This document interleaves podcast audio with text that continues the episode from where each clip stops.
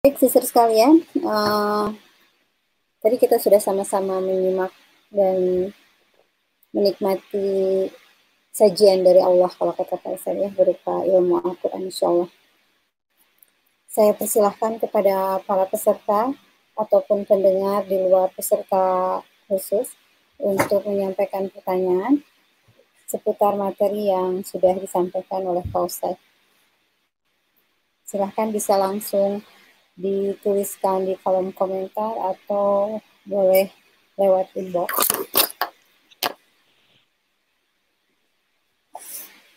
Sementara uh, sudah ada pertanyaan yang masuk Pak Ya, silakan. Tapi ini katanya terkait dengan pertanyaan pekan lalu Pak Ustaz. Ya, silakan. Sebentar. Uh, di pekan lalu ketika Pak menyampaikan materi tentang Asbabun Nuzul ya, tentang Khawlah binti Sa'labah yang datang berkonsultasi kepada Rasulullah tentang permasalahan rumah tangganya dengan Masya Allah tetap menjaga martabat dan kemuliaan suaminya gitu sampai-sampai Aisyah yang ada di sampingnya pun tidak mendengar gitu. Nah yang di pertanyaan itu Kemudian kan Allah memberikan jawaban lewat turunnya surat Al-Mujadilah ini. Hmm. Itu bagaimana peristiwa turunnya itu dalam artian apakah itu disampaikan langsung oleh Rasulullah kepada Khawlah binti Sa'labah, bagaimana cara menyampaikannya? Gitu. Apakah juga ketika Rasulullah itu menyampaikan kepada para sahabat tentang ayat tersebut juga meliputi uh, asbabun nuzulnya tentang kisah yang melatar belakangi surat turunnya surat tersebut. Kalaupun iya, Rasulullah itu ikut menyampaikan kisah yang dikonsultasikan oleh uh, Khawlah binti Sa'labah. Apakah itu termasuk Rasulullah tidak menjaga martabat atau kemuliaan si suami gitu Pak Ustaz? Mungkin Pak Ustaz bisa menjelaskan. Uh, Bismillahirrahmanirrahim. Sebenarnya Rasulullah sudah menjaga supaya kisah itu tidak diketahui oleh orang lain. Tetapi yang punya keputusan itu kan Allah. Maka Allah yang mendengarkan langsung dan punya keputusan ini kasus ini kan untuk pembelajaran. Maka tidak ada masalah disampaikan kepada orang lain. Makanya dalam beberapa riwayat itu sampai detil ya peristiwa terjadinya itu sampai detail sekali. Ini case tentu. Dan Allah yang menginginkan. Maka nantinya kita dalam e, kasus keluarga kita, kita berusaha sekuat tenaga untuk menyimpan. Artinya nanti kalau sampai ada tersebar, kita tidak bertanggung jawab karena kita sudah berusaha untuk menyimpannya. Dalam etika konsultasi publik, konsultan yang di keluarga seperti tadi, Rasulullah sudah benar. Tapi Allah ingin memberikan pelajaran supaya nanti kasus ini jangan terjadi. Dan ini kan jenis kezaliman ya yang dilakukan oleh Aus bin Somit. Artinya di sini justru yang nilai pentingnya itu pada haula perempuan yang berani. Kan mungkin lebih lebih ada perempuan-perempuan lain yang lemah. Dia ditindas suaminya, tidak mau melapor. Dia uh, ketika suaminya mau berhubungan badan, uh, diam saja. Allah ini menjaga ini status hubungan hubungan kita ini gimana secara syar'i boleh enggak? Bukan saya tidak mau melayani, maka dalam beberapa riwayat disebutkan sampai terjadi pergumulan fisik. Dan Aus bin Somit ini justru malah dibanting oleh Kaulah binti Salabah. Habis itu dia menangis. Pergi ke rumah Rasul karena tidak nyaman dengan kondisi itu. Ini uh, luar biasaannya seorang khaulah itu. Dia tidak terbawa perasaan, sekalipun sedih, hancur hatinya, tapi dia ingin memastikan bahwa yang dilakukan itu tidak melanggar syariat. Nah itu yang luar biasa. Di saat yang sama, dia ingin melindungi uh, apa nama baik suaminya, sekalipun dolim sekalipun. Ini nggak boleh kan? Kezaliman itu didiamkan. Maka Allah yang membuka bahwa yang dilakukan sahabat Aus bin Somit itu tidak tidak benar. Nah, maka nanti solusinya juga Aus bin Somit ini juga miskin, tidak mungkin bisa puasa, nah, tidak mungkin memerdekakan budak.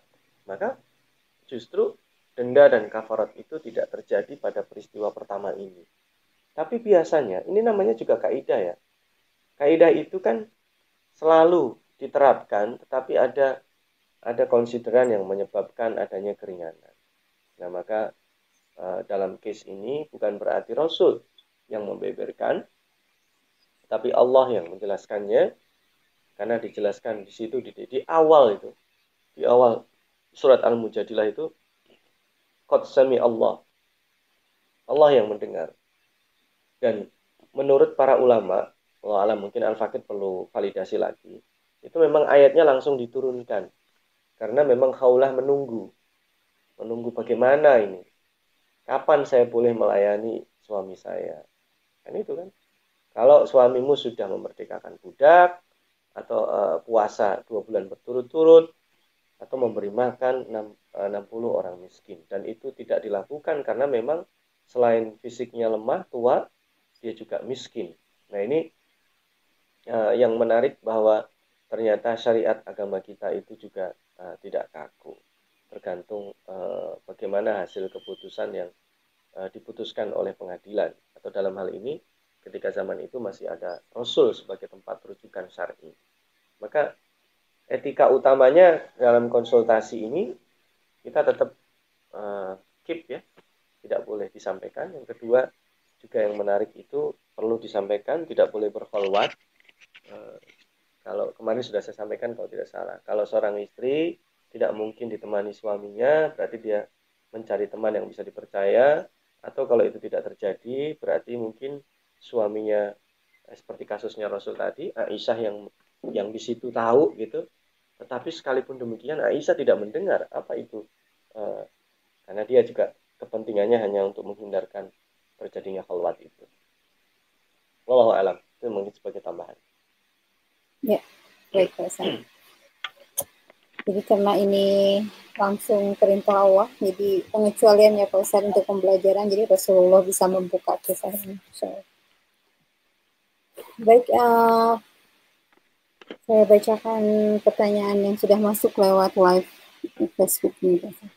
Ini dari Mbak Arin, pertanyaannya adalah uh, terkait dengan forum komunikasi sekarang zaman sekarang misalnya forum ilmu uh, via WhatsApp group atau Facebook group gitu Pak Ustadz.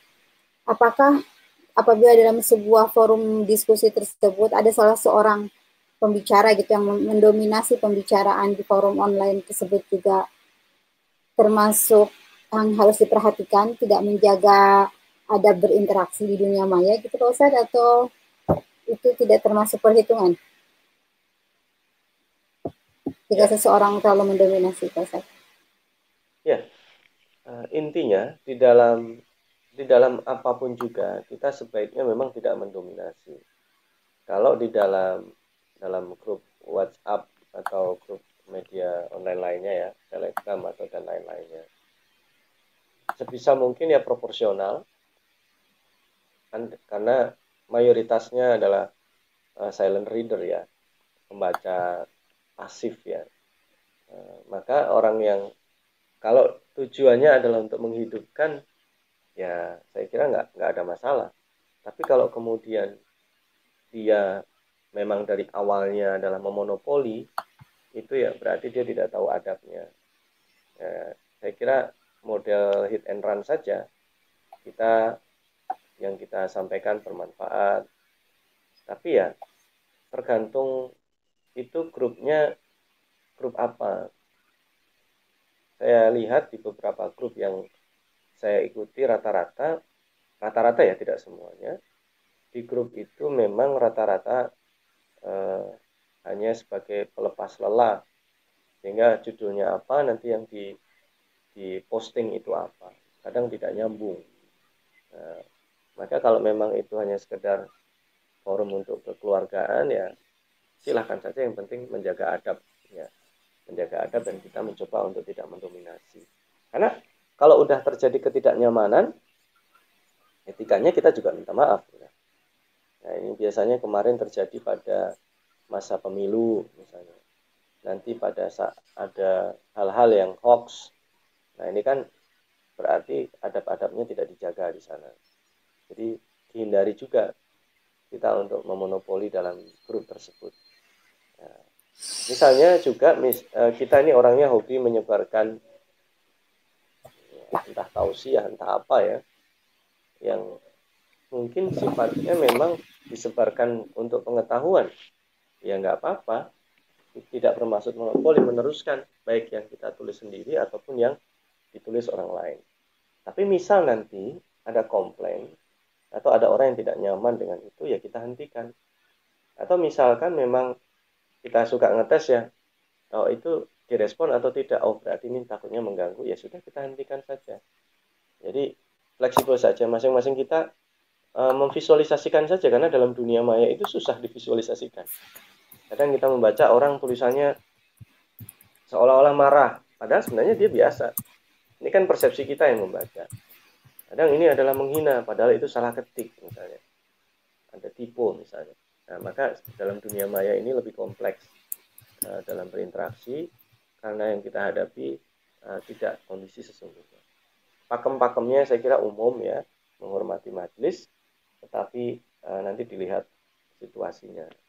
Kalau ada di situ memang untuk grup-grup serius ya usahakan kita tidak bergurau.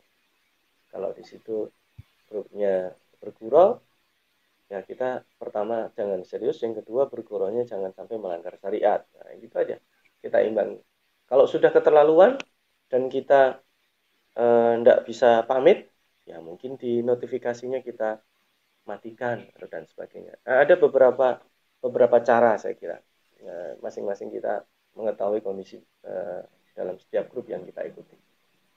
Wallahu a'lam. Ya, baik. Gimana Mbak Arin? Mudah-mudahan terjawab ya. Silakan nanti disesuaikan pertanyaan kalau masih ada yang belum jelas.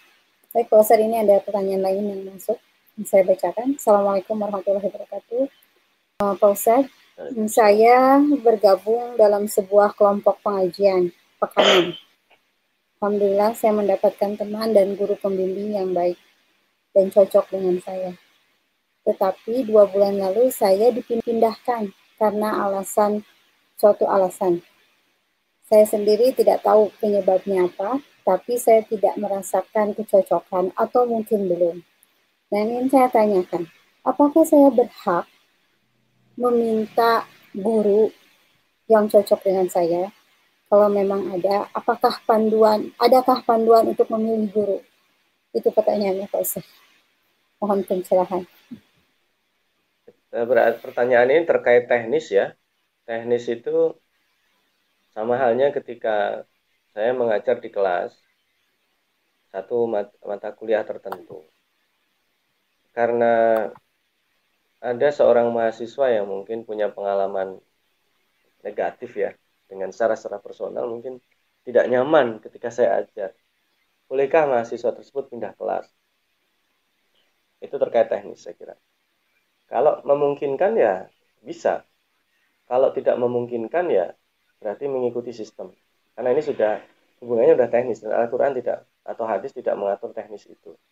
Terkait sistem saja dalam adab majelis itu termasuk juga kan ada begini kalau di dalam majelis ilmu fasilitatornya adalah guru dan e, kemudian disampaikan kepada murid atau peserta didik lalu ada sarananya sistemnya ada mungkin klasikal ya rata-rata memang masih menggunakan klasikal sistem kelas nah ketika ada ketidakcocokan itu maka yang dilakukan pertama kali adalah membina uh, group value. Jadi nilai grup dalam mungkin kelas kecil yang dimaksud ya pengajian kelas kecil lah. Ada juga dalam pengajian umum. Kalau pengajian umum biasanya ikatan emosionalnya tidak terbina. Mungkin yang dimaksud kelas kecil. Kelas kecil itu bisa begitu, 10 orang, ya bisa 20 orang. Kayak seperti saya mengajar di kelas, kelas karyawan dan lain sebagainya. Nah, maka eh, ini kita punya hak, tetapi dilihat probabilitasnya. etikanya juga demikian. Nah, ini sama juga begini. Kita tidak boleh mendriving guru kita misalnya. Hmm. Uh, ketika saya bimbingan tesis, saya ingin yang uji saya yang itu dong, yang itu dong, yang itu dong. Supaya apa? Supaya nilai saya bagus. Berarti kan saya egois juga. Artinya, di saat yang sama, saya mendriving guru saya untuk melobi si fulan, si fulan, si fulan untuk uji saya. Itu juga bagian yang kurang etis dalam dalam hal itu. Memang tidak sampai haram, tetapi nanti kan ada tingkatannya. Boleh, tidak boleh, tidak etis, sampai yang paling halus. Maka dalam etika uh, majelis ilmu, kita sebisa mungkin menggapai yang paling ideal supaya ilmu kita yang kita raih itu bukan hanya sisi materinya, tetapi perilaku. Karena keteladanan sekali lagi yang kita ingat dari guru kita, bukan ilmunya. Saya tidak ingat apa yang disampaikan guru saya ketika di awal saya masuk kelas, tapi saya ingat bagaimana dia menyambut saya, memberikan motivasi saya untuk belajar. Jadi sebenarnya uh, mungkin ini lebih kepada uh, situasi ya. Mungkin nanti dikondisikan saja silahkan didiskusikan. Yang menyebabkan tidak ada chemistry atau perasaan tidak nyaman itu apa. Saya kira itu sesuatu yang available untuk diselesaikan. Bisa pindah kelas atau mungkin nanti gurunya yang ganti. Kalau ada ketidakcocokan ya walau alam ya ini lain ya. Kalau apakah yang dimaksud kelas ibu itu kelas ibu-ibu saja? Karena kan juga lain. Biasanya kalau ibu-ibu lebih uh, wallahu alam ini juga bukan judge ya. Biasanya kalau ibu-ibu uh, cocok tidak cocok itu lebih menjadi pertimbangan sehingga uh, kalau di apa-apa uh, sih santai aja relax. Mhm. maka itu juga kondisional yang tidak bisa saya mengetahui lebih detail. Karena kalau ibu-ibu nggak cocok sedikit juga nggak nyaman seterusnya bisa juga. Jadi sebenarnya lebih kepada uh, teknik teknik tidak diatur itu nanti sesuai yang menjalani lebih tahu daripada yang ditanyakan ke saya tadi. Wallahu alam. Ya. Baik. Ini tadi ada pertanyaan yang lain, Ustaz. Jadi uh, apakah ada panduan untuk memilih guru yang baik? Mungkin di sini kemungkinan apabila dia punya kesempatan memilih guru gitu, mengundang guru dan lain sebagainya dalam sebuah forum. Apakah ada panduan memilih guru yang tepat itu yang seperti apa gitu. Karena sekarang mungkin kan banyak ya sering jadi banyak ini lah Pak Ustadz mungkin pertanyaan dulu sebentar. Ini tambahan. Oh iya katanya uh, ada banyak faham-faham gitu. Mana sebetulnya guru yang selamat itu yang bisa membawa kita selamat itu yang seperti apa panduannya Pak Ustadz gitu. Uh, sebenarnya panduannya ada tadi di ayat 11 standarnya dua knowledge dan iman. Jadi guru itu bisa meningkatkan leverage keimanan kita di saat yang sama knowledge kita nambah. Itu kan panduannya sudah jelas. Kalau kita habis belajar, iman kita turun ya harusnya bukan itu. Habis kita belajar, kita benci orang, ya bukan itu. Habis kita belajar, uh, kok saya malah tidak paham, malah jadi ragu-ragu, ya bukan itu. Gitu. Jadi sebenarnya leverage umumnya kan gampang. Uh, apa panduan umumnya kan iman dan ilmu tadi itu. Iman saya belajar, imannya nambah, saya belajar, knowledge-nya nambah. Kalau saya belajar, imannya turun, sekalipun ilmunya nambah, enggak juga, berarti kurang. Kalau saya belajar, imannya naik, tapi ilmunya enggak nambah, juga kurang pas. Dua-duanya naik kalau bisa. Nah kalau mengundang guru, tapi dia malah justru membuat kita ragu, ya. Tapi mohon maaf, kadang-kadang itu selera ya dalam mencari guru misalnya ah saya mau guru yang buat saya nggak ngantuk. Ya itu kan teknis berarti. Hmm. karena termasuk saya juga harus belajar bagaimana cara menyampaikan. Ini kan seni komunikasi berarti. Hmm. seni komunikasi itu uh, berarti kepada siapa ini juga audiensnya siapa. Uh, bahkan kadang juga memang ada orang oh saya suka guru A atau Ustadz A karena dia bisa ngelucu misalnya atau humoris ya. Lalu kemudian saya memaksakan sesuatu yang bukan tabiat yang nggak bisa juga. Style orang beda-beda. Maka teknis kalau sudah teknis tatarannya itu disesuaikan. Dan tergantung forumnya apa ya. Kalau forumnya seminar saya kira oh berarti yang sesuai dengan guru itu di bidang apa. Temanya A ya diusahakan tidak memanggil guru yang spesifikasinya jauh dari A ini. Paling tidak rumpun ilmunya. Jangan sampai diskusi tentang uh, syaraf dan jantung yang dipanggil montir mobil. Ya, nyambung. Gitu. Jangan sampai tema-tema teknologi, tapi yang menyampaikan adalah siapa. Jangan sampai tema keluarga dan agama yang menyampaikan insinyur. Itu kan pada kasus Milkul Yamin kemarin. Apa latar belakang keilmuannya? Sekalipun dia punya karya, tetapi seharusnya dia tidak punya uh, background untuk berbicara di bidang itu. Nah ini bukan bermaksud merendahkan keilmuan seseorang, tetapi ini kan terkait dengan kedisiplinan itu sendiri. Tapi kalau secara umum ya dua tadi, saya mau mengundang pembicara atau saya mau belajar di kelas, ya standarnya naik ilmu, naik iman. Gitu. Karena memang ini kendala sih nanti kalau dalam, apalagi kalau sistemnya sudah formil di kelas, itu yang dibicarakan lebih crowded karena nanti terkait absensi, terkait penugasan, terkait jam SKS dan lain sebagainya. Itu sudah sangat-sangat teknis dan tiap tiap lembaga pendidikan memiliki aturan teknis yang berbeda-beda. Wallahu a'lam. Ya. Baik, Ustaz. Alhamdulillah. Wah, tadi kepada Ibu yang bertanya, insya Allah mudah-mudahan terjawab ya. Masalah teknis mudah-mudahan bisa dibicarakan dan tadi hubungan dengan gurunya bisa kembali harmonis insya Allah. Uh, pertanyaan selanjutnya ini datang dari Ustazah Dede. Beliau menanyakan tentang mau minta tolong Pak Ustadz katanya kembali dijelaskan tentang Quran Surat Mujadilah ayat yang ke-12. Mungkin dia tadi sedikit terlambat Pak Ustadz summary-nya ayat, ayat yang ke-12 tentang tadi sebelum menghadap Rasulullah eh, ya. bersedekah terlebih dahulu ya. Mungkin itu maksudnya. Ya. Summary-nya adalah spiritnya di sini. Kalau dilihat dari ayat ini diturunkan konteksnya pada waktu itu ada sahabat yang ingin berkonsultasi dengan Rasul di depan publik. Hmm. Dan ini kemudian ada dua. Bisa yang disebut di depan publik itu dia memonopoli pembicaraan, hmm. uh, ya. atau yang kedua dia kalau di sini najaitum berarti dia mendatangi Rasul dan berbicara secara khusus dengan Rasul di depan publik. Itu yang kedua konteksnya.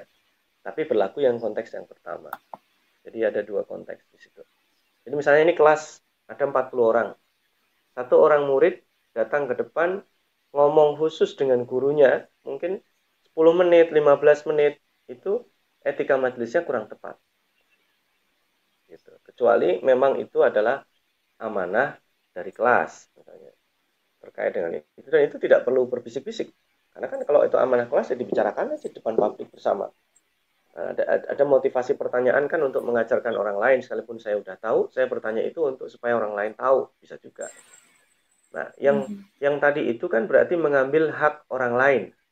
Maka kalau itu terjadi, sedekahin dulu. Karena orang-orang yang datang dari berbagai tempat itu tidak semuanya orang yang sudah sarapan, atau tidak semuanya orang yang sudah mapan. Kamu bersedekah dengan mereka. Dan ini bersedekah ini membiasakan untuk memberi. Bukan kemudian melegalkan perbuatannya, bukan. Dalam tafsirnya kita lihat bukan itu. Karena bahasa Allah, "Dzalika khairun lakum wa adhar. Maka nanti as faktum itu penegasannya adalah maka masa kalian takut miskin gara-gara bersedekah. Nah itu berarti dalam majelis ilmu itu kita mesti royal. Kalau di dalam sebuah majelis ilmu, Al-Fakir sering melihat kok. Majelis ilmu, kemudian misalnya ada gangguan sound system. Biasanya nanti setelah itu entah sound systemnya diganti, di-upgrade, cepat tanggapnya. Karena memang bersedekah untuk majelis ilmu bukan hanya berkah tetapi memang dianjurkan. Karena tadi terkait dengan ayat 11 tadi itu. Allah menghormati majelis ilmu itu artinya menyuruh kita menghormati majelis ilmu. Kita jangan sampai majelis ilmu kayak warkop. Kalau kita pergi ya minta izin ya. Mau bicara minta izin. Ada yang mengatur moderator misalnya. Bukan pembicaraan bebas kalau ada orang bicara, kita berusaha diam. Itu juga majelis ilmu. najwa ini. Makanya najwa itu sering terjadi tengah masyarakat. Ada orang ngomong mentang-mentang omongannya nggak menarik, najwa, ya mereka ngomong sendiri. Nggak boleh. Gitu. Nah, nanti kalau bicara di lebih lanjut lagi, apakah kalau ada khotib Jumat menyampaikan saya tidur termasuk najwa enggak? Nah, itu juga ada lain itu. Nah, karena itu kan berarti nanti terkait dengan performance sang khotib sendiri juga mungkin mohon maaf cara penyampaian temanya kurang menarik mengakibatkan audiens jadi gelisah. Maka sebenarnya itu dua sisi sih. Perhatian ini untuk uh, murid uh, perhatian ini juga untuk guru. Makanya di sini yang di dalam ayat 11 itu majelisnya dulu. Berlapang-lapang ya, ya berdiri nah ini juga manajemennya berarti Lalu kemudian Allah katakan utul ilma, ilmu itu diberi, itu juga supaya orang yang mengajar itu tidak sombong juga. Karena pada hakikatnya, kalaupun saya tahu, tahunya duluan, itu pun dikasih sama Allah. Nanti kalau sudah sama, setara. Jadi tidak ada kesombongan di situ. Nah, terkait dengan Rasul, di situ sebenarnya Rasul itu dihormati. Gitu. Maka yang diberi pun bukan Rasul di situ. Ya, sodakoh di situ adalah sodakoh kepada fakir miskin yang ada di dalam majelis itu. Karena etikanya kan kita minta izin, mohon maaf ya, Bapak-bapak saya izin sebentar mau ada yang dikonsultasikan. Nah, itu sebenarnya mereka juga ya kalau mau izin ya bukan sekarang. Selesaiin dulu. Nah, di etika kalau kita mau bicara khusus ya selesaikan dulu majelis umumnya kita ngomong dengan Rasulullah. Kenapa sodako? Mungkin bisa jadi mungkin ya. Ini saya visualisasikan. Uh, ayo sarapan dulu. Nah, ketika mereka sarapan atau makan, Nah, saatnya kita konsultasi. Artinya berbicara dengan dengan guru secara private itu dibolehkan dengan catatan tidak mengganggu hak mereka. Pada saat istirahat misalnya, pada saat mereka hak mereka uh, tidak terambil boleh. Nah, itu nanti pembicaraan dua tadi. Najwa bicara khusus, Najwa juga memonopoli, Najwa juga menghalangi dari hak uh, sesama uh, peserta didik atau murid tadi. Wallah alam itu kalau di dunia sekarang prakteknya banyak karena tadi juga sempat ada yang menyampaikan di dunia maya dalam misalnya dalam pengajian uh, ada sekarang kan online itu juga macam-macam ada yang modelnya begini ada yang modelnya dengan uh, tulisan dan lain sebagainya. Wallahu alam. Ya, baik. Jadi itu Pak Ustaz uh, yang anjuran bersedekah itu tuh ketika memang kita meminta waktu khusus Rasulullah gitu ya untuk berkonsultasi. Ya. Seandainya kita hanya hadir hadir tidak mengambil waktu khusus berarti tidak dianjurkan sedekah gitu Pak Ya intinya menghormati majelis ilmu sebenarnya. Hmm. Menghormati majelisnya. Yang kedua menghormati gurunya Rasul di situ. Karena kan guru juga tidak nyaman kan kalau uh, orangnya itu-itu lagi. Misalnya minggu ini si A nanya lagi, minggu depan si B dia lagi, si A lagi, minggu hmm. depannya lagi si A kan yang hmm. tidak nyaman bukan hanya publik tapi gurunya hmm. jadi nggak nyaman hmm. gitu nanti kan wah nanti saya kalau ketika nilai itu kan saya jadi nggak nyaman ada bias di situ nah itu juga uh, diperhatikan dari sisi itu jadi ini kan hmm. majelis ilmu yang yang dibicarakan ya ini Pak Ustadz ada pertanyaan susulan dari peserta yang lain terkait dengan tadi ayat 12 ini. Uh, Apakah ini juga diterapkan, kata beliau, pada masa modern ini? Artinya setiap kali kita datang untuk belajar, untuk ke majelis ilmu, kita dianjurkan bersedekah terlebih dahulu, entah itu kelas formal atau ataupun informal gitu, Pak Ustaz. Bersedekah di sini sifatnya umum. Ya. Apalagi dalam majelis ilmu. Dalam majelis ilmu kita akan lihat dan saya sering menjumpai itu. Misalnya kalau saya punya handout, nanti selalu ada kasihan handout saya nanti saya ngopiin ke jamaah. Nah, berarti dia bersedekah dengan handout yang saya bagikan. Mm -hmm. nah, nanti uh, saya yang beginikan. Ada juga jamaah yang secara sukarela misalnya. Uh, nanti saya yang menjemput. Ya, nanti saya yang udah nanti saya yang bagian konsumsinya nah itu juga bisa berlaku dalam bentuk klasikal kita yang formal Misalnya kita lagi berbagi, kalau kita beli makanan, jangan dipasin untuk kita. Mungkin kita tidak sanggup memberi semua orang untuk kelas-kelas. Tapi mungkin uh, yang bisa kita lakukan. Intinya kan di sini how to share, how to give-nya itu. Memberikan yang terbaik dalam majelis ilmu agar majelis ilmu itu dalam kondisi yang kondusif bagi gurunya, kondusif bagi peserta didiknya. Jadi sebenarnya dianjurkannya sedekah dalam arti yang sangat luas. Apa aja yang digunakan untuk memfasilitasi terjadinya transformasi ilmu. Hmm. Jadi gurunya nyaman, kalau guru nyaman ngajar enak, peserta didiknya nyaman, kalau ini kan jadi enak gitu. Kalau ada kendala kan gurunya nggak enak, sudah menyediakan waktunya, menyediakan ilmunya, eh, peserta didiknya jadi nggak nyaman. Nah ini kan jadi nggak nyaman semua. Maka dalam kegiatan majelis ilmu itu, kalau semua orang berpikir ingin memberi yang terbaik, itu luar hmm. biasa. Nah, nah, sebagai guru misalnya saya menyiapkan, jangan sampai saya abal-abal dong, tapi saya siapin dulu, saya baca dulu, saya ringkas dari yang terbaik, itu bentuk sedekah yang terbaik. Hmm. Saya sebagai murid berarti siapa? Saya sudah sudah menyiapkan fisik uh, hadir, sudah sarapan, sudah sehingga saya bisa fokus menghormati artinya kalau guru menyampaikan saya ngantuk kan berarti nggak menghormati juga gitu. mm-hmm. atau guru nyampein saya ngobrol sendiri itu najwa gitu. Atau saking semangatnya saya monopoli sehingga orang lain jadi nggak berkesempatan untuk bertanya itu juga nah, tidak bagus ini sangat luar biasa sebenarnya dalam mm-hmm. dalam dunia etika komunikasi sebenarnya ayat ini juga dipakai untuk untuk komunikasi dalam dunia modern Cuman sedekah di situ tidak diartikan bentuk fisik ya. Bisa juga kayak tadi. Saya menyedekahkan harusnya saya ada ini, tapi karena saya besok mau belajar, oh saya mau tidur lebih cepat misalnya. Nah, itu juga sedekah waktu misalnya. Oh saya mau ya sama dengan etika dan adab kita mau baca Quran kan. Itu hmm. tidak seperti membaca novel yang mungkin kita sambil santai. Nah, pakaian yang bagus, menghadap kiblat, membaca, itu kan etika. Nah ini karena ilmu yang kita dapatkan itu target kita dua, bukan knowledge saja, tapi knowledge dan juga keimanan. Target kita dua itu. Bersamaan ya, saya kira kalau sedang keimanan manajemennya amburadul juga tidak dianjurkan. Ini kan juga manajemen. Bagaimana menghormati alur diskusi, alur, alur penyampaian. Nah, termasuk juga kalau guru memonopoli, itu juga dia tidak memperhatikan etika. Dia ya terus udah ya saya tidak ada tanya jawab karena tidak sempat setiap mengajar begitu aja terus ya nah itu kapan terjadinya transformasi ilmu karena satu arah sekarang sudah tidak dikenal uh, pengajian satu arah seperti itu wallahu a'lam Insya Allah. Jadi itu mulai dihitung ya Pak Ustadz dari proses persiapan sebelum majelis itu sendiri ya. Tadi Pak Ustadz iya, menyebutkan yeah, sampai yeah. harus istirahat cepat biar besok tepat waktu kondisi fit. Masya Allah. Itu semua terhitung sebagai sedekah. Masya Allah.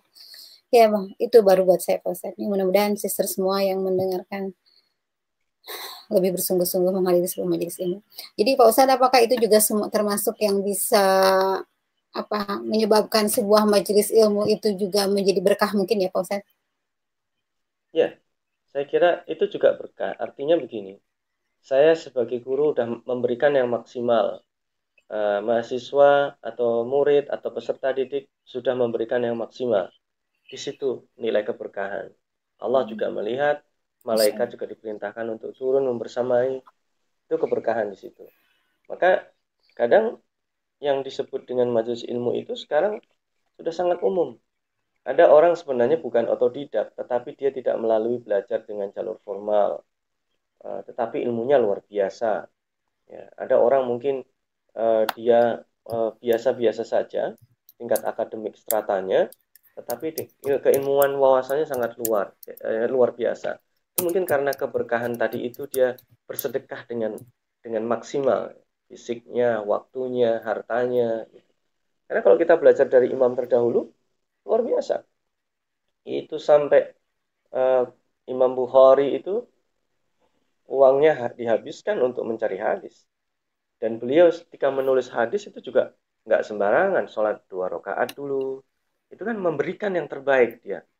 Nah, maka kualitas hadisnya lihat saja sekarang menjadi referensi yang paling kuat setelah Al-Quran dan mutafak alaih antara beliau berdua. Setelah itu yang kalau sendiri Imam Bukhari itu kualitasnya paling tinggi karena karena tadi itu beliau memberikan yang terbaik baik ketika sebagai murid ataupun sebagai guru. Wallahu a'lam. Ya, baik, Masya Allah. Mudah-mudahan semua uh, yang menyimak dari pertanyaan tadi ya, penjelasan ayat 12 susul dengan pertanyaan dari sister yang lain yang menegaskan lagi pertanyaan tersebut bisa kita ambil hikmah dan pelajaran insya Allah. kalau keren Pak. Uh, kita masih memiliki waktu. Pak Ustadz bisa sampai jam berapa hari ini? Ya silahkan saya menyesuaikan aja. Oh, Oke, okay. kita insya Allah masih memiliki waktu sekitar 27 menit. Ini ada pertanyaan terkait dengan ayat yang ke-11 Pak Ustadz, tentang berlapang-lapang dalam majelis ya. Apakah yang dimaksud di sini itu secara fisik, itu kita tidak boleh berdesak-desakan. Itu yang pertama. Kalau memang demikian, bagaimana kondisinya pada saat um, pelaksanaan tablik akbar?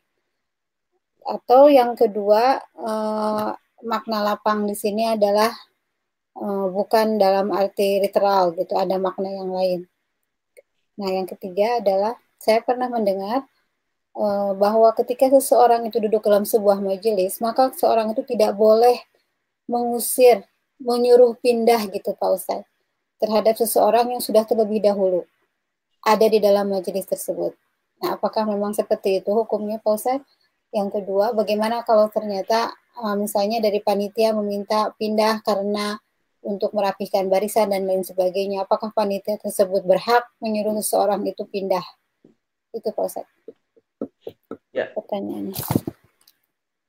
Sebenarnya dalam konteksnya ini konteks lapang-lapang fisik ya. Karena eh, hak tadi itu. Hak orang untuk mendapatkan ilmu. Maka jangan sampai menghalangi orang untuk mendengarkan. Tapi tentu ini juga terkait dengan manajemen tempat ya. Kalau memang misalnya kuota kelas itu katakanlah 40, lalu kemudian peserta didiknya dipaksa 80, nah, ada problem pasti. Ketika ada problem itu, dibuat uh, supaya tidak terjadi ketidaknyamanan. Nah, dalam tablik akbar itu lebih lebih umum lagi. Maka kalau ada orang melihat orang lain tidak nyaman, ya kita yang berada pada posisi nyaman bantu supaya dia nyaman hmm. Geser tempat duduknya misalnya. Jadi itu disebut dengan uh, tafasahu tafasahu ya. Dalam sholat Jumat misalnya ketika sudah banyak yang berdiri khotib juga bisa bilang ayo maju maju supaya yang belakang bisa ikut. Karena itu juga selain ibadah ada majlis ilmu di situ. Nah maka ini konteksnya adalah kelapangan fisik sekalipun bisa untuk kelapangan yang lain. Ini yang pertama. Yang kedua, idza qila lakum uh, unsuzu ini juga manajemen terkait kamu berdiri. Nah, karena sesungguhnya kalau mengusir orang lain untuk kita sendiri itu yang tidak boleh. Misalnya kamu berdiri terus kita duduk, nah itu nggak boleh atau kemudian eh, kita pergi tempat duduk orang lain kita tempati tanpa seizin dia itu juga etikanya tidak tepat. Kan misalnya ada kan dalam mm -hmm. sebuah pertempatan dia pergi itu mungkin untuk keperluan yang mendesak ya toilet atau mengangkat telepon yang emergency itu balik lagi. Berarti itu haknya dia kita nggak bisa ambil. Terkait misalnya panitia untuk mengosongkan itu juga terkait uh, dengan manajemen. Hmm. Tentu tidak berlebihan. Nah kalau berlebihan juga mengganggu majelis itu sendiri. Maka sebaiknya panitia juga dari awal sudah dikasih tahu. Ini tolong yang uh, baris pertama jangan diisi dulu. Nah, atau dua baris pertama jangan diisi dulu. Nah itu kan manajemen. Kalau manajemennya nggak rapi, membuat nggak nyaman semuanya. Pesertanya nggak nyaman, nanti ada yang ngedumel, sehingga ilmu itu transformasinya jadi tidak berhasil. Ada kekecewaan. banyak sih. Nanti terkait lagi dengan konsumsi. Hal-hal teknis seperti ini sebenarnya diaturnya umum ya. Nanti konsumsi ada yang kebagian, ada yang tidak. Berlapang-lapang maksudnya apa? Nah, ini sudah yang non fisik. Ya, kalau jatahnya saya tidak dapat konsumsi ya sabar, tetap lapang. Tapi ini konteksnya tadi fisik ya. Kalau dianggap uh, al-ifsah itu bentuknya ifsahnya uh, lapang dada, ya jatahnya saya dapatnya di sini ya terima aja. Itu juga bisa. Jatahnya saya di sini dari tadi saya haus, saya nggak dapat air, ya terima sabar. Majelis ilmu juga nggak nggak lama. Kalau jatahnya di sini saya kepanasan, tapi nanti saya takut pingsan, ya pindah. Kalau nggak bisa, ya berusaha atau menyampaikan sesuatu. So, ini kan juga dalam majelis majelis secara umum kan misalnya dalam transportasi umum kan gitu juga. Dalam transportasi umum kalau kita lihat orang tua berdiri kan dia udah ada priority seatnya kan. Kalau ada orang hamil, perempuan hamil dan lain sebagainya. Nah ini kan adab-adab majelis secara umum. Gitu. Nanti ada adab majelis di dalam surat Al-Hujurat dan lain sebagainya. Nah ini adab majelis dalam surat Al-Mujadilah ini uh, terkait dengan majelis ilmu khususnya. Maka diatur uh, cukup detail, tetapi sebenarnya tidak terkait teknis di sini. Di sini spirit saja. Kalau teknis nanti beda. Pak. Karena dalam majelis ilmu tingkat internasional, nah itu lebih detail lagi. Sudah ada protokolernya. Nanti majelis ilmu dalam tingkat majelis taklim di kampung lain lagi ada adat istiadatnya gitu. Nah, nanti terkait ter teratur dengan cara mengundang guru gitu.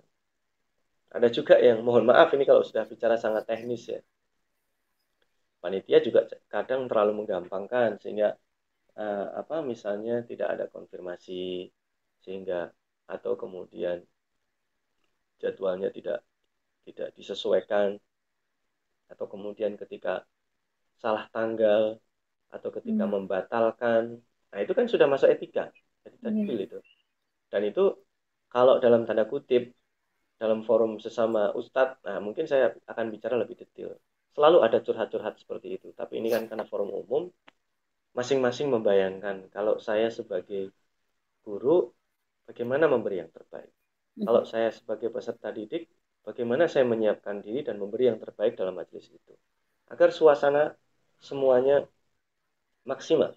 Kalau yang diberikan yang terbaik, kondisi yang terbaik, sekalipun kendala teknisnya ada, tapi manusia yang terlibat itu sudah siap, itu biasanya Allah mudahkan. Apa aja terkait teknisnya. Tapi kalau diawali dengan motivasi yang nggak benar, baik motivasi gurunya atau peserta didiknya, maka ilmu itu akan jadi hambar saya kira. Ini lebih kepada person sebenarnya kalau ilmu itu. Ya, tidak semua orang mencari ilmu menjadi utul ilmu apalagi sampai pada derajat ulama. Ulama itu betul-betul sudah sangat sangat uh, sedikit sekali karena itu tadi dari sejak prosesnya sampai menjadi hasil. Wallahu a'lam. Ya, baik, alhamdulillah. Jazakallah khairan kasih atas jawabannya. Uh, tadi siapa yang bertanya? Ya, mudah-mudahan sister yang bertanya tadi bisa uh, ini ya lebih jelas. Kalau ada pertanyaan susulan, silahkan nanti disampaikan. Uh, ini Pak Ustadz ada pertanyaan lagi dari oh, katanya nggak usah disebut namanya. Assalamualaikum Pak Ustadz. Uh, saya adalah orang yang baru mendapatkan, bisa dibilang baru mendapatkan hidayah setelah saya tinggal di sini. Saat ini saya sedang bersemangat untuk mengikuti berbagai majelis ilmu. Tapi ada kendala uh, ketika saya pernah ditegur gitu oleh salah seorang senior yang menyebutkan bahwa saya kurang adab terhadap guru. Boleh Pak Ustadz minta tolong uh, mungkin secara ringkas menyampaikan sebenarnya seperti apa adab seorang murid kepada guru. Itu Pak Ustadz pertanyaannya. Ya.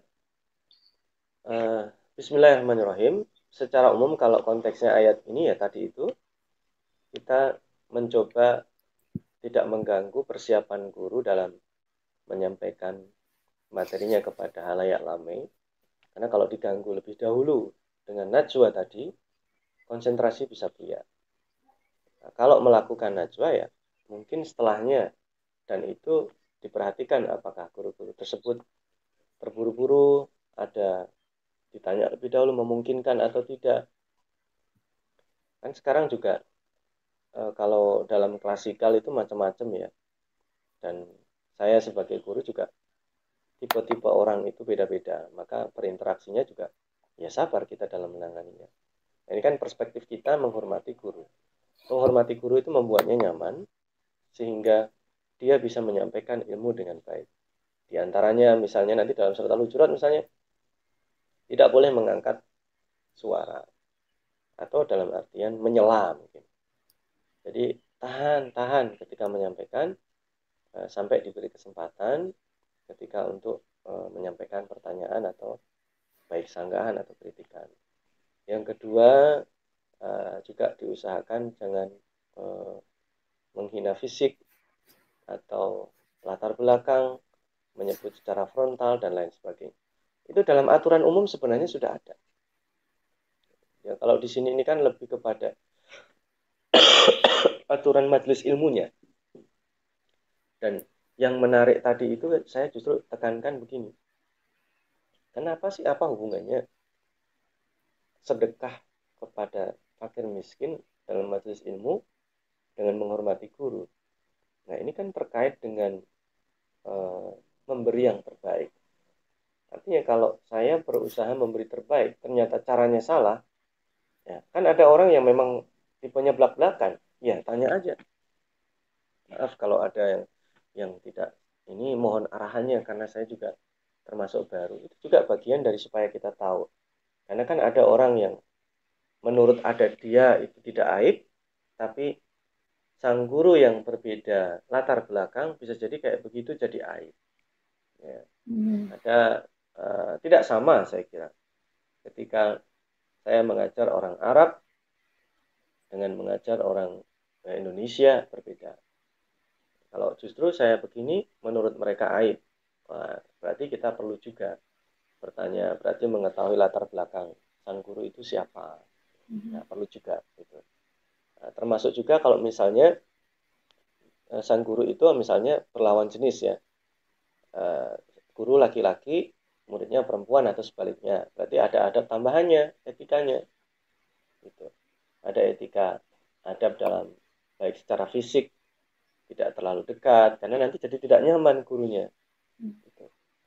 Nah, ini kita berbicara dalam nilai yang paling ideal dulu ya. Karena kan kadang juga guru yang tahu ini muridnya sedang belajar, dia akan menyesuaikan tetap guru yang baik. Ini nanti jangan dibalik juga ada juga sih guru yang nggak baik memang ini kan berbicara mengatur semua adab majelis ilmu dari gurunya sampai dari muridnya termasuk manajemennya. Nanti ada juga gurunya baik peserta didiknya baik manajemennya nggak baik. Itu juga kendala. Penyedia kelas tidak baik kendala. Akhirnya justru kelas jadi nggak maksimal. Kenapa? Jadi forum curhat guru dan forum curhatnya murid. Saya sebagai guru kok nggak dihargai di sini ya. Muridnya sama pak, saya juga nggak dihargai. Ini nggak jadi terjadi transformasi transformasi ilmu. Kenapa? Harusnya ada ilmu yang didapatkan karena tidak nyaman karena manajemen, akhirnya uh, menjadi tidak terjadi transformasi ilmu. Jadi sebenarnya ini lebih kepada manajemen ya. Umum, baik gurunya Eh, peserta didiknya atau penyedia majelis ilmu. Jadi semuanya bekerja sama. Kalau semuanya, terutama eh, peserta didiknya itu punya eh, wawasan untuk menghormati majelis ilmu, yang pertama dihormati gurunya di sini. Karena di sini yang disebut Rasulullah SAW buat dia nyaman. Dan terus terang saja, kalau pengalaman saya dalam menyampaikan, kalau suasana hati nyaman sekalipun kendala fisik kurang fit atau lelah itu lebih lebih enak keluarnya dibanding ketika tidak nyaman tidak nyaman itu ada kendala yang ilmunya ada tapi disampaikan kayak tidak ada ruhnya dan itu fluktuatif kadang juga eh, hmm. dirasakan oleh murid gitu ini ada something ini gurunya kok datang belum apa-apa udah marah-marah berarti ada sesuatu kok yang disampaikan kayak nggak nyambung, berarti ada sesuatu. Nah kita supaya itu tidak terjadi, murid membuat kenyamanan itu. Kenyamanan fisik biasanya kalau di kelas, itu ada kalanya. Saya kadang terharu ya kalau misalnya murid membawakan uh, apa snack sedikit aja atau minuman sekalipun sudah disediakan manajemen. Saya juga membawa tumbler sendiri. Berarti dia memang ingin menghormati gurunya. Tanpa saya perintah misalnya murid misalnya ke depan menghapus. Nah, dia menservis itu kan bagian menghormati. Mm-hmm. Tapi ada juga yang cuek. Saya sendiri yang ngapusin itu ada juga. Saya sendiri yang harus bilang, tolong dinyalakan itu. Nah, itu juga tergantung. Tiap kelas tidak sama. Ada yang kelas memang adabnya luar biasa ketika guru masuk itu sudah ready semua absen sudah ada ini sudah ada semua duduk rapi tidak ada yang telat ada yang juga telat karena telat itu juga mengganggu nah, ini adab-adab yang luar biasa kadang telat mengganggu dia tidak tahu malah ketawa-ketawa ah, semakin mengganggu gurunya ini orang telat nggak tahu diri misalnya. nah jadi itu suasana majelis ilmu diperhatikan karena di sini tokoh utama pertamanya guru transformasi sekalipun fasilitator, dia tokoh utamanya. Kalau ide pertama yang dilontarkan itu buruk, ya kan yang diterima feedbacknya ini jadi nggak matang. Kalau yang pertama diketengahkan bagus, maka feedback namun jadi berkembang. Ya. Nanti guru juga dapat dapat masukan yang luar biasa. Al-Fakir juga ketika mencoba menyampaikan dengan maksimal, itu nanti feedbacknya, oh ini ilmu baru bagi saya, ilmu baru bagi saya. Jadi semuanya dapat di situ. Menjadi tersemangati. Pada hakikatnya pada saat kita menyampaikan ini, itu juga bersemangat. Karena e, muridnya bersemangat, jadi ikut bersemangat. Jadi sebenarnya semuanya diarahkan. Tapi dimulai karena tokoh pertama utamanya guru, maka sang murid ini e, bukan berkewajiban. Dia secara moral punya kepentingan untuk menghormati gurunya. Atau ditambah lagi, ini juga lebih penting, mendoakan. Hmm. jarang kita ini yang kita lakukan, mendoakan guru-guru kita. Nah, kalau itu di luar itu tentu mendoakan kan tidak ada yang tahu. Diminta atau tidak, guru-guru kita kita doakan. Itu saya kira, Allah alam. Ya, Insya Allah. Sangat indah sekali ya Pak Ustaz hubungan murid dengan guru. Yang ideal Insya Allah. Mudah-mudahan kita bisa belajar. Baik Pak Ustaz ini ada pertanyaan lain terkait dengan kondisi kekinian nih Pak Ustadz. Uh, Jadi beliau itu mengikuti di media sosial gitu bagaimana saat ini dengan era kebebasan seorang bisa berkomentar apa saja terhadap suatu video ataupun uh, cuplikan-cuplikan berita. Nah, beliau di sini menggarisbawahi tentang sikap seseorang yang begitu mudah mencela ulama, mencela guru. Sampai-sampai ada uh, istilah katanya di sini sebutkan bahwa adab lebih utama dari ilmu. Nah, bagaimana Pak Ustadz tentang adab itu lebih utama dari ilmu? Itu Pak Ustadz. Uh, sebenarnya ungkapan ungkapan itu ungkapan ulama yang belum diketahui asalnya. Memang benar. Tapi sebenarnya bukan lebih utama karena tadi kan sama. Eh, yarfa'illahu ladina amanu minkum waladina utul ilma darajat. Jadi iman termasuk di dalamnya adab, akhlak dan knowledge itu sama. Artinya orang kalau punya iman tapi nggak berilmu susah. Nanti dia bisa jadi korban ditipu orang atau dia bisa menyesatkan orang. Nah, sebaliknya dia punya ilmu, nggak punya iman, nggak berakhlak, nanti menipu, mendolimi. Maka harus naik bareng dua-duanya. Nah, terkait dengan mencela ulama, karena masya Allah, eh, para ulama itu daging para ulama itu racun, maka jangan di jangan dimakan. Yeah. Rusak kita istilahnya. Para ulama kita itu sekalipun ada kesalahan manusiawi. Manusia kalau dicari kesalahannya mau siapa pun selain Rasulullah SAW. Rasulullah ada tapi kita mencoba untuk tidak membicarakan karena memang maksum beliau. Kesalahannya sudah tersetting begitu. Tapi selain beliau, uh, karena beliau juga maksum tidak mungkin melakukan kesalahan yang besar, selalu ada orang punya hilaf. Kehilafan ini patut kita jaga. Kadang kan karena kalau diekspos kita langsung turun itu. Ya ternyata begitu ya. Nah kita mencoba untuk melihat secara umum. Ya, motivasi orang kita tidak tahu. Maka ketika ada aib guru yang ketahuan dan dibicarakan, kita sebisa mungkin tidak melakukannya. Apalagi kalau memang itu tidak jelas. Kemudian memfitnah, mencela. Nah, ini tentu sudah sangat tidak sesuai. Apa itu sih ah? Belajar juga baru kemarin. Nah, apa tujuan kita mengatakan demikian? Apa itu sih ah? Dia itu pelawak, bukan bukan ulama. Nah, maksudnya apa perkataan kita? Apa sih ah dia berburu juga dulu waktu sekolah ngantuk misalnya. Nah, ini ungkapan-ungkapan seperti ini justru bukan mendowngrade orang yang dicela dia akan ketahuan di depan orang lain karena dia yang hobinya mencela itu sesungguhnya dia yang tercela makanya sebenarnya eh, kalau kita pada posisi jadi sebenarnya begini kaidahnya ya saya belajar. Orang yang berada di panggung itu adalah orang yang dilihat. Kalau orang dilihat yang melihat dari banyak sisi pasti ada kekurangannya. Ketika kita menemukan kekurangan kita wajib memberitahu, tapi tidak harus mempermalukannya. Contoh, mohon maaf, sang guru, dia ketika mengajar, misalnya ada apa baju yang harusnya ada kerahnya dia kelipat, itu kan aib, nggak nyaman. Ya murid jangan sampai Pak mohon maaf itu kerahnya belum dilipat. Nah, itu mempermalukan dia. Mungkin dengan kita mohon izin sebentar, bicara sebentar ke depan, menyampaikan itu pada saat memungkinkan. Tidak langsung dipotong tiba-tiba. Ada juga dulu dalam kasus, mohon maaf ya, yang misalnya sang guru resleting, resleting uh, celananya belum belum diseret misalnya.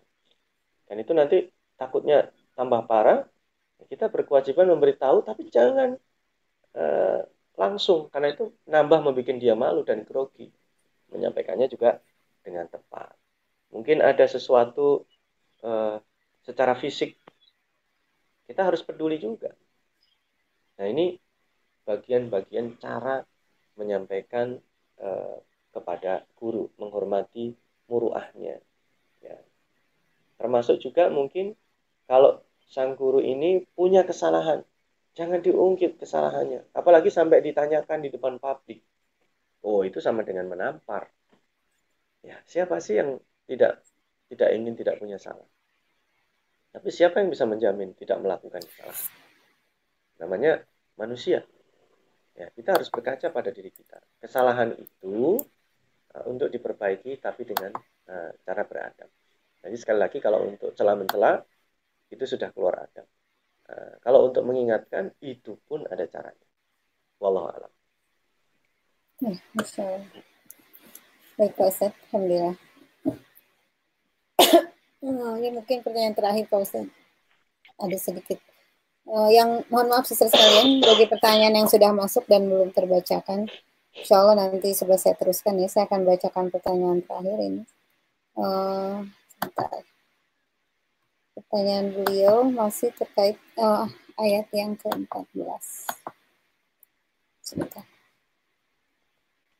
Nah, mengenai berteman dengan kaum yang dimurkai oleh Allah Subhanahu wa taala uh, apakah ini juga terkait dengan surat Al-Fatihah ayat ketujuh yang disebut dengan yang dimurkai itu Pak Ustaz? Kemudian yang pertanyaan susulannya adalah bagaimana uh, dengan kami di sini yang tinggal di negara yang mayoritas bukan muslim ini adalah realitas sehari-hari berteman dengan orang-orang yang yang dimaksud oleh Allah dalam ayat tersebut Ustaz. Gitu. Ya. Kalau ayat 14 ini sebenarnya terkait dengan orang munafik ya. Orang munafik itu bukan orang kafir, bukan hmm. orang beriman. Padahal pada faktanya mereka tidak dikatakan bukan, tapi ke sana iya, ke sini iya. Tapi kenapa dinafikan oleh Allah? Karena hakikatnya mereka adalah golongan tersendiri. Mereka punya kepentingan dan agenda sendiri. Itu dicela oleh Allah.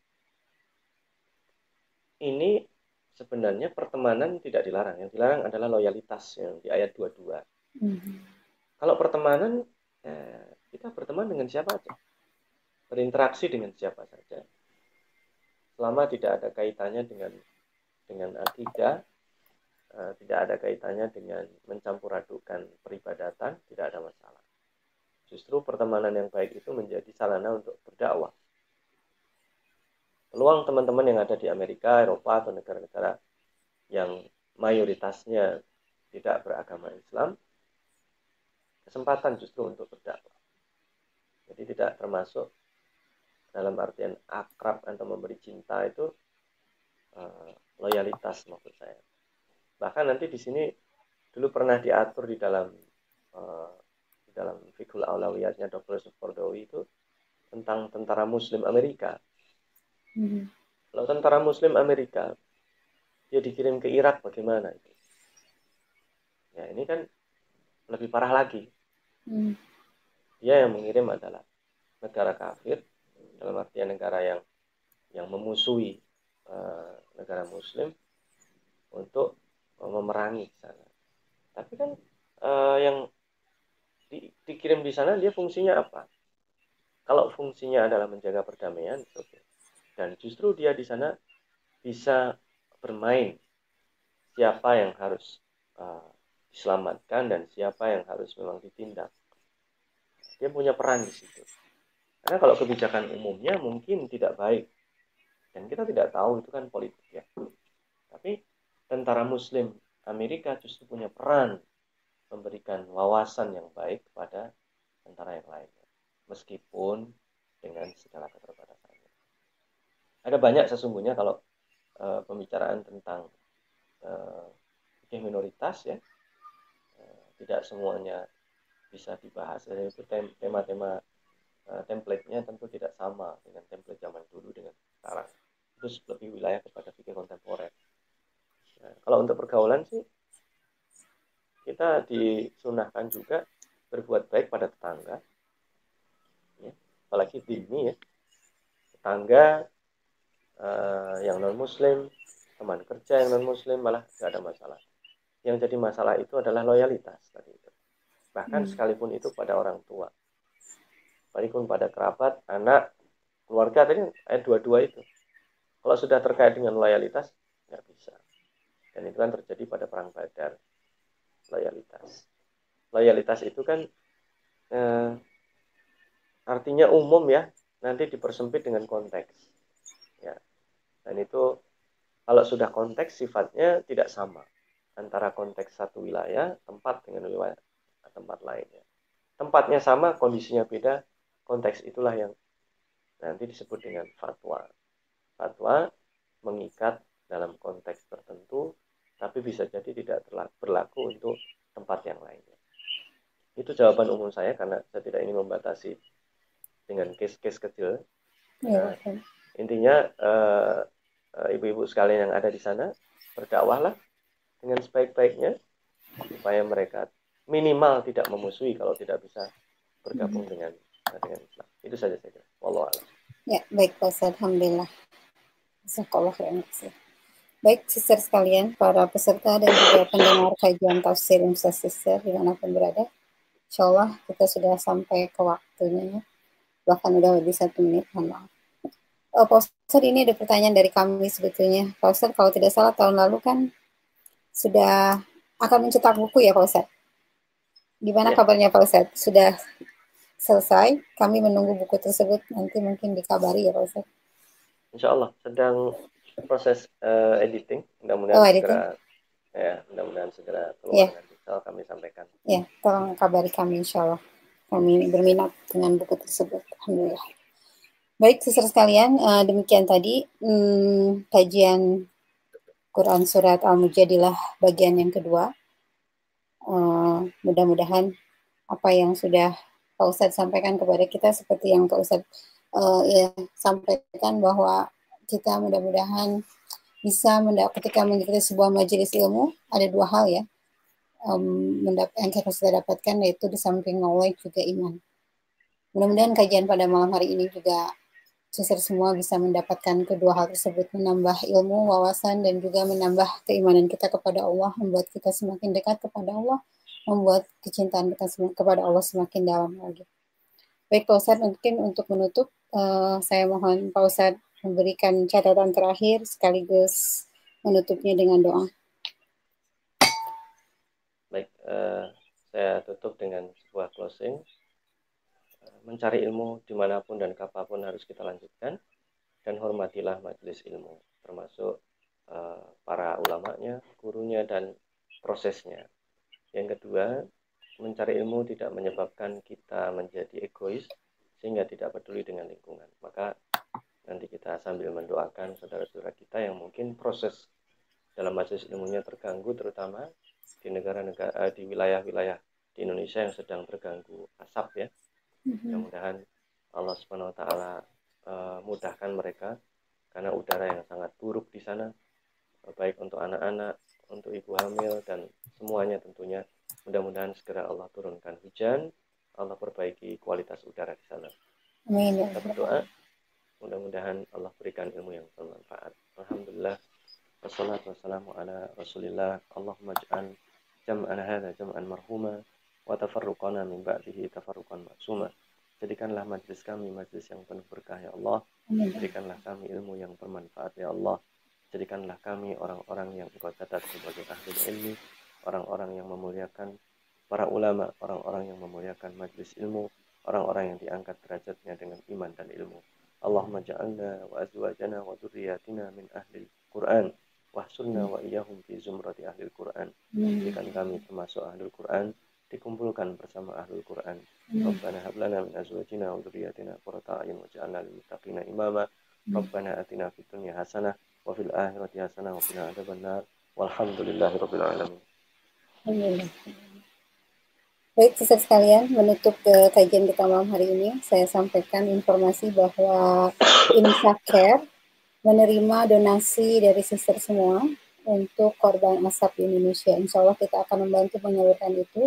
Jadi bagi siapa yang ingin menjadi bagian dari uh, aksi ini, silahkan bisa menghubungi websitenya Insaker dan bisa menyalurkan donasi semua uh, melalui Insaker. Baik, sister sekalian, uh, demikian tadi kajian kita pada malam hari ini. Uh, saya atas nama tim kajian tafsir Insa Sister dibantu malam hari ini petugas yang uh, melaksanakan pada malam ini ada Mbak Arin di California, Mbak Fanda di Oregon, dan Mbak Dewi Yulia di Atlanta. Saya sampaikan jazakumullah khairan kasih dan juga kepada seluruh sister yang hadir pada malam hari ini. Terima kasih semuanya. Insya Allah kita akan bertemu pekan depan. Untuk Pak Ustadz, jazakallah khairan kasih Pak Ustadz, syafakallah, insya Allah ketemu pekan depan. Kita tutup dengan doa kafaratul majelis. Subhanaka Allahumma bihamdika asyhadu an la ilaha illa anta wa atubu. Assalamualaikum warahmatullahi wabarakatuh. Terima kasih Pak Ustaz. Ya, sama-sama.